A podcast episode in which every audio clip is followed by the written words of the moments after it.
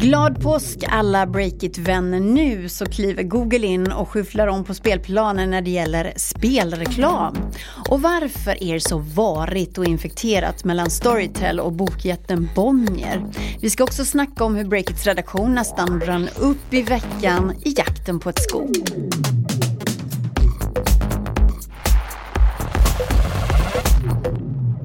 Välkomna till Breakits podcast. Jag heter Katarina Andersson. Vi ska snart prata om journalistik med livet som insats. När Breakits Scoop om blodsbatterier i svenska elcyklar skulle ut i veckan så var det på vippen att redaktionen brann ner. Det är faktiskt sant. Vi hade en del upprutna batterier här inne och Erik Wisterberg hamnade skräckslagen mitt i hela dramatiken. Men först så blir det några kortnyheter. Mm. Elsparkcyklarna fortsätter sitt intåg på de svenska gatorna och det skapar faktiskt en del irritation. Nu vill Stockholms stad skapa ordning och reda och kräver en hastighetsbegränsning på 6 km i timmen för elcyklarna. Och det blir också parkeringsförbud på vissa platser. Här i Stockholm så blir hela Gamla stan en no-go-zon för elcyklarna. Ingen parkering där alltså. För ett år sedan, precis vid den här tiden, så pratade precis alla om GDPR. Hur skulle det gå när den nya omfattande dataskyddsförordningen skulle införas? Företagen de var uppe i varv och alla var väldigt stressade. Och nu, ett år senare, så har Tillväxtverket räknat ut hur mycket GDPR faktiskt kostat svenska företag. 26,6 miljarder kronor hamnar notan på. Som jämförelse, det är lika mycket som halva budgeten för det svenska försvaret och samhällets krisberedskap. I slutet av april tar Uber till slut steget in på börsen i New York. Storbankerna Goldman Sachs och Morgan Stanley uppskattar att börsvärdet kommer landa på runt 1100 miljarder kronor. Ubers vd Dara Khosrowshahi kommer bli väldigt rik. Han får i så fall aktieoptioner till ett värde av 920 miljoner kronor. Den här veckan har vi med oss Visma SPCS som partner till podden. Vi kör ju tillsammans ett litet deklarationsrace kan man säga under hela april. Senast den 2 maj ska alla ni som har enskild firma ju lämnat in deklarationen och eh, faktum är att min fru är en av alla de här tiotusentals småföretagare som just nu svettas en hel del över just det datumet. Men jag säger till henne och alla andra entreprenörer jag träffar, spana in Visma SPCS artiklar som just nu ligger på vår sajt breakt.se. Där får du denna vecka en massa smarta och handfasta deklarationstips. Det är helt enkelt mitt bästa tips så här i deklarationstider. Alltså gå in på breakit.se och ta där del av Visma SPCs material inför deklarationen. Och när du ändå är på gång, surfa in på vismaspcs.se deklarationsprogram. Där hittar du lösningar för både bokföring och deklarationer på nätet för bara 199 spänn i månaden. Som hittat.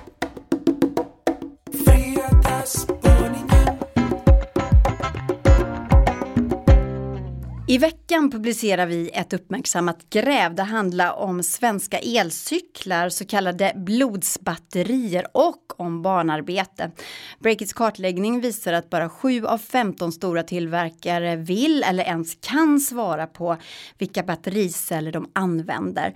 Men det vi inte berättade i artikeln, det var att vår redaktion höll på att brinna upp under arbetet. Nu ska vi ta dig med bakom kulisserna. Erik Wisterberg, reporter på Breakit. Vad var det som hände? Ja, klockan är fem på eftermiddagen och jag håller på med det allra sista i vårt gräv. Under mitt skrivbord så ligger två elcykelbatterier som jag har skruvat isär och skurit upp för att blotta insidan. Och de har legat där i veckor. Men precis innan jag ska gå hem så gör jag en sista koll på en detalj i ett av batterierna. Och sen blev det kaos. Okej, du sitter där med batteriet framför dig. Men vad är det som händer? Ja, först ser jag bara lite rök. Och sen börjar det spraka och ryka ännu mer. Så då tar jag det här batteriet i min hand och springer mot utgången. Med batteriet i handen? Ja men precis, i båda händerna. Liksom. Bränns det? Eh, nej men halvvägs ut, liksom genom entrén, då händer ju det som inte får hända. En flamma slår upp där liksom mitt framför ansiktet på mig och det börjar liksom fräsa och brinna i själva batteriet. Men gud, det låter ju skitläskigt. Så du eh, tar fram en brandsläckare? Eller? Ja, men jag skrek ju liksom halvt i panik åt mina kollegor att de skulle ta fram en. Men som du vet, vi har precis flyttat eh, Åh, och det fanns ingen brandsläckare här. Så Gud, jag står, arbetsmiljöproblem ja, men jag står där i, liksom, nu ute i portuppgången med ett brinnande elcykelbatteri i handen helt enkelt. Ja, men jag vet ju att sådana här batterier kan ju vara livsfarliga. De har ju skapat massor med rubriker, både elcykelbatterier som har eh, satts i brand och också sådana här hoverboardbatterier. Så när du står där, vad är det du tänker på då? Ja men två saker och det första var jag måste få stopp på den här branden in, innan det liksom går hål på ett av de här små battericellerna som sitter där i. Vad händer då? Ja men då, då sprutar det eld. Eh, och det andra jag tänkte om var att det nog handlade om sekunder innan den här lilla lågan skulle utvecklas till något eh, riktigt illa. Och liksom i mitt huvud så flimrade alla de här YouTube-klippen som jag tittat på under researchen förbi där man ser hur sådana här batterier, om man hanterar dem fel, kan förvandlas till en liksom flamethrower. Så paniken stiger och vad händer nu? Ja, men jag bestämde mig snabbt för att göra ett sista desperat försök. Så jag, jag lägger ner det här batteriet på golvet och så ställer jag min fot ovanpå det och jag har såna här grova kängor på mig som jag brukar ha när jag cyklar. Så jag liksom står där, vänder bort ansiktet, håller för eh, ögon och öron och hoppas på att det ska gå vägen.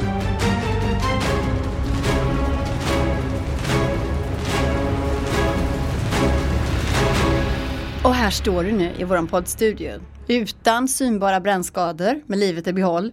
Så grattis kan man säga, din nödplan lyckades där eller? Ja, men efter några sekunder då, då släcktes, kvävdes den här lilla lågan. Och eh, som tur var så gick det bra, men det luktade ju bränt i hela kåken.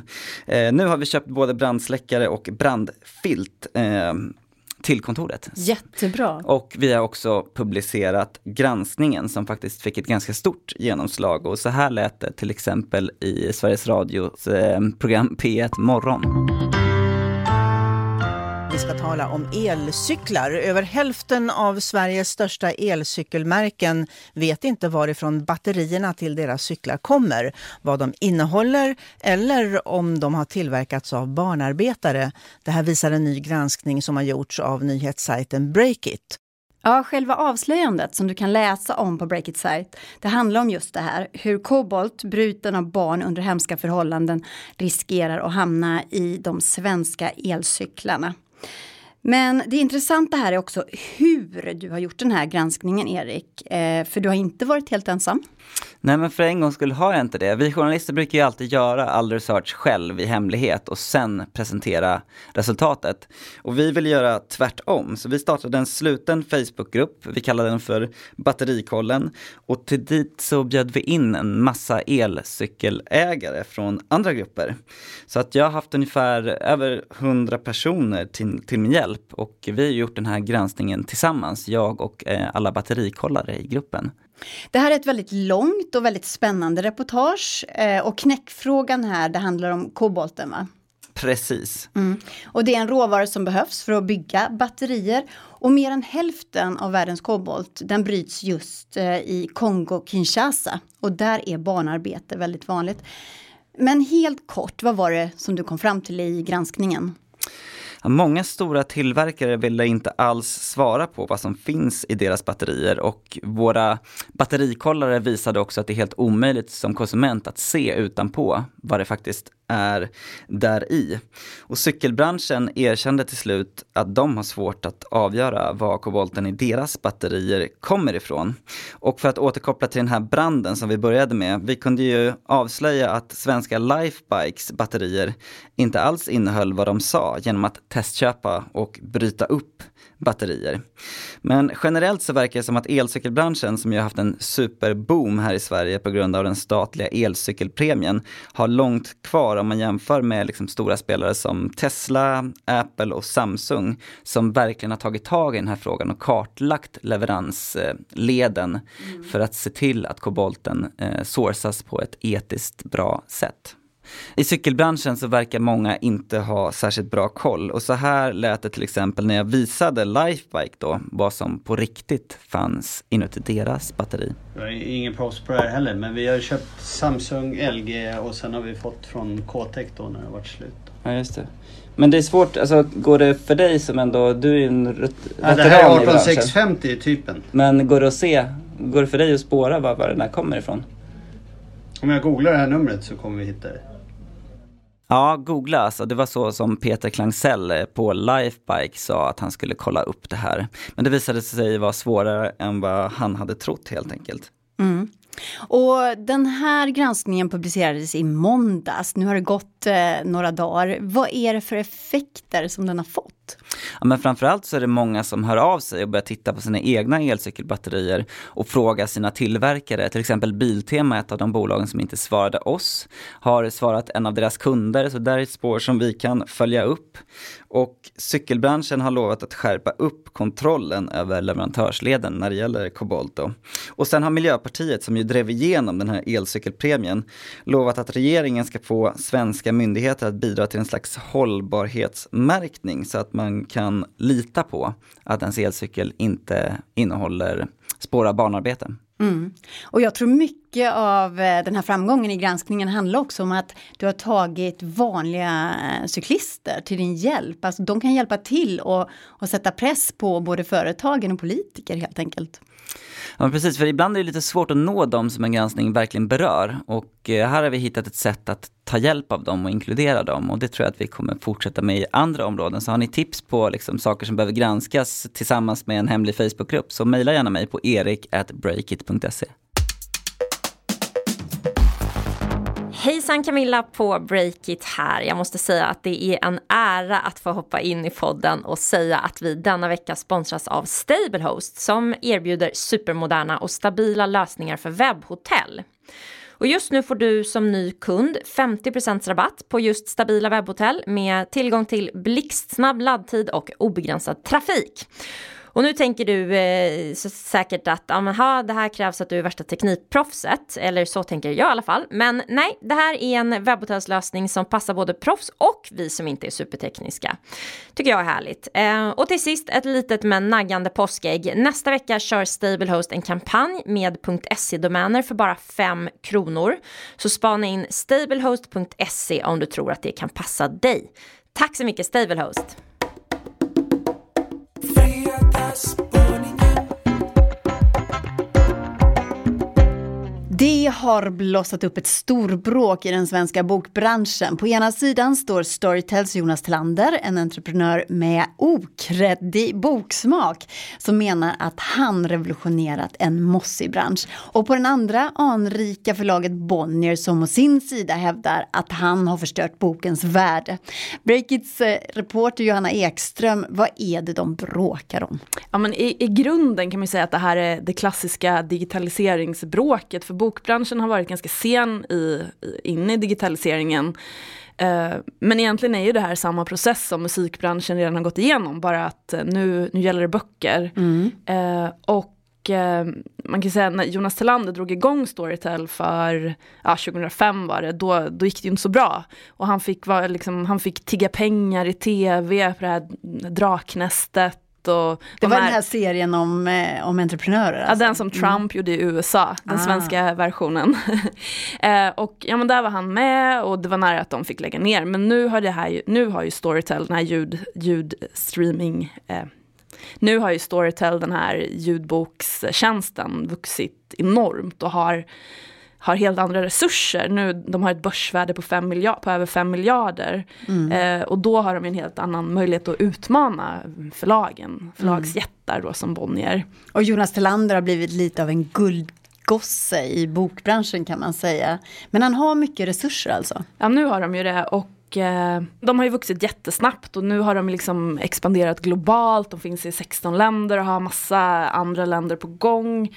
Eh, och de har ju också gjort spektakulära uppköp. Eh, många kanske minns, och framförallt så minns väl hela kultursverige då som satte kaffet i halsen när Storytel köpte upp Norstedts förlag. Just det här det. gamla anrika förlaget.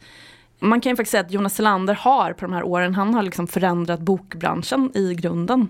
Och det är ju det är ju ett hot. Ja, och, och credit på ett sätt. Men samtidigt så har du också tagit reda på att hans eh, boksmak, den anses inte speciellt credit. ja, men redan då, jag intervjuade honom 2016, lite så här porträtt. Och då, redan då stod det klart att han hade inget så här brinnande litteraturintresse direkt, utan det var, det var mer de här, nu ska jag, jag vill inte såga några författare, men det var mer, liksom, lite mer lätt lättsmälta böcker, deckare och lite Läckberg och sånt. Mm. Och inget, inget fel med henne. Och han har ju själv i intervjuer, han får den här frågan hela tiden, vad lyssnar du på? Och då är det typ, eh, ja, munken som köpte sin Ferrari och, och järnstark. Och, och det är absolut inget fel med de böckerna, men, men det jag vet är att det för bokbranschen så är det här lite, lite, det är lite störigt för dem. För mm. att en person som då har så stor makt över hela bokbranschen ändå har så pass eh, okreddig boksmak. Ja, han är ingen kultursnobb helt enkelt. Nej, exakt. Och jag, det är nästan så att, jag vet inte, men det känns nästan som att han har gjort det lite till en grej. För han vet ju att han kommer få den här frågan hela tiden, han lyssnar på. Han kan ju svara vad som helst. Eh, men det känns nästan som han har gjort en grej av att vara lite opretentiös. Mm, han är väl inte alldeles traditionell då. Han har ju också sagt att Elon Musk är hans stora förebild och det är ju techbranschens bad boy på många sätt. Ja men, nej, men det var också där när jag träffade honom, då pratade han väldigt mycket om Elon Musk och han såg upp till honom och hur han tror att om 20 år kommer vi liksom se Elon Musk som den hjälte han verkligen är. Och han hade precis läst Elon Musks eh, senaste, ja, vad var det, Elon Musk själv självbiografi då tror jag. Så han vill vara lite som en Elon Musk kanske? Ja, men lite, han är lite klassisk så här, startup-grundare, Steve mm. Jobs, Elon Musk, han ser upp till dem och, och nu har han då disruptat, som man säger på startup-språk, en, en liksom superanrik bransch. Mm, och det är klart att det svider då att eh, en sån här person som inte har något kulturellt kapital enligt bokbranschen är den som kommer in och vänder upp och ner på hela branschen. Men det handlar ju inte bara om kulturellt kapital det här. Nej, nej det handlar ju kanske främst om pengar. För bokbranschen är ju en miljardbransch. Eh, och det som ökar klart mest är ju streamingen. Och där är ju Storytel störst också, största aktören på marknaden. Sen så finns också Bonniers egna streamingtjänst, Bookbeat och en utmanare som heter Nextory. Ehm, men ja, det är de som är de dominerande aktörerna och det här är ju något som förlagen utmanas av. Mm. Så även om det fortfarande säljs böcker böcker och den marknaden växer lite grann av tryckta böcker. Så visar ju den här eh, ökningen av streamingtjänster att det är där som framtiden ligger. Så det här bråket då, vad, vad består det av? Jo men man kan säga att när Storytel var nytt, då var det såklart superviktigt för Storytel att få till ett avtal med Bonnier. Eh, och då hade ju eh, då hade ju Bonnier ett ganska bra förhandlingsläge kan man säga. För Storytel var en liten tjänst men de behövde Bonniers titlar för att, ja, för att nå ut helt enkelt. Mm. Så då hade Bonnier ett bra förhandlingsläge? Ja men exakt. Men sen då efterhand så har ju Storytel tecknat avtal med nya förlag. Och då när det i höstas läckte ut att Bonniers avtal var så himla mycket bättre än de andra förlagens. Så blev det ju... Eh, Åh, bråk, jättejobbigt, sårade känslor. Ja men exakt. Mm. Eh, och det här, det vi ser nu är egentligen att det har kulminerat i en liksom, superlåsning mellan Bonnier och Storytel. För nu vill ju Storytel göra om Bonniers avtal också så att det blir som de andra förlagens. Mm. Så vad har det här för konsekvenser nu? Hur låst är läget egentligen? Det är väldigt låst. Nu tar ju båda de här parterna till sina starkaste vapen. Det började med att eh, Storytel slutade promota eh, Bonniers böcker helt enkelt i sina kanaler. Och då upptäckte Bonnier det här och Bonnier då har ju, har ju en ganska stark kontring för de har ju då bestämt att inga nya titlar ska släppas på Storytel. Och det här kommer ju också precis samtidigt som Camilla Läckberg släpper sin nya bok. Och Camilla Läckberg är ju liksom, det är ju den största händelsen för Bonnier på hela ja. året, hennes boksläpp. Och också en författare som går väldigt bra i, i streamat. Så det är ju liksom ett starkt vapen som Bonnier har där och nu får Storytels lyssnare inte ta del av hennes böcker. Men det här låter ju som ett riktigt infekterat bråk. Pratar de med varandra tror du? Alltså... Ja, men jag, jag, tror, det är ju svårt att veta, jo men ja, de förhandlar ju. Men det verkar ju vara väldigt låsta förhandlingar för annars skulle de nog inte gå ut så här med så här offentliga. Och de har ju skrivit, alla som är involverade i det här har ju skrivit eh, debattartiklar i Svensk Bokhandels tidning. Där kan ni gå in, den som är mer intresserad vad de tycker gå in och läsa. Ehm, digitaliseringen är ju smärtsam för de gamla aktörerna. Och eh, nu försöker liksom Bonnier få till en så bra deal som möjligt för att det ska vara så lite smärtsamt som möjligt kan man ju säga. Mm. Och Bonnier har ju, och det ska jag tillägga, Bonnier har ju ett väldigt starkt läge för de är ju störst. De är, har starka resurser, de har juridisk kompetens, de kan ta den här fighten med Storytel. Det kan inte de små förlagen. För de, de får bara finna sig i det här. Mm. Så hur kommer det här att sluta? Ja, men exakt vad, vad de kommer landa i för avtal det är svårt att säga men Storytel har redan förändrat branschen och dessutom så är ju konsumenterna idag redan vana vid eh, att eh, konsumera kultur på det här sättet. Vi har redan Spotify, vi har Netflix, vi har HBO. Nu är det bokbranschen. Det är ju ett beteende som inte går att skruva tillbaka hur mycket Bonnier än vill. Och det tror jag inte heller att de vill, de har ju en egen streamingtjänst. Men eh, ja, det kommer nog bli en ganska segdragen twist och det, ja, vem vet, det kommer kanske sluta med att alla Bonniers böcker inte finns på Storytel helt enkelt. Vi får se vem som är starkast. Hejsan Camilla på Breakit här igen. Som ni lyssnare nog vet vid det här laget så sponsras vi av Vessla som har en grym elmoppe. Jag vet inte om du tänkt som jag, men eh, en sak som jag har dragit mig lite för när det gäller att satsa på moped är den ofta ganska höga vikten. Många el eller bensindrivna moppar ligger på runt 100 kilo. Det är ju jäkligt otympligt får man ju säga. Men eh, Vesslas moppe eh, ligger ba bara 60 kilo så att eh, ja, det är tydligen den lättaste och smidigaste modellen på elmoppemarknaden. Om du är sugen på att köpa en Vessla så får du just nu 20% rabatt och det gäller april ut så passa på. Gå in på vassla.se och använd koden POD20, alltså POD20. Tusen tack, Vessla!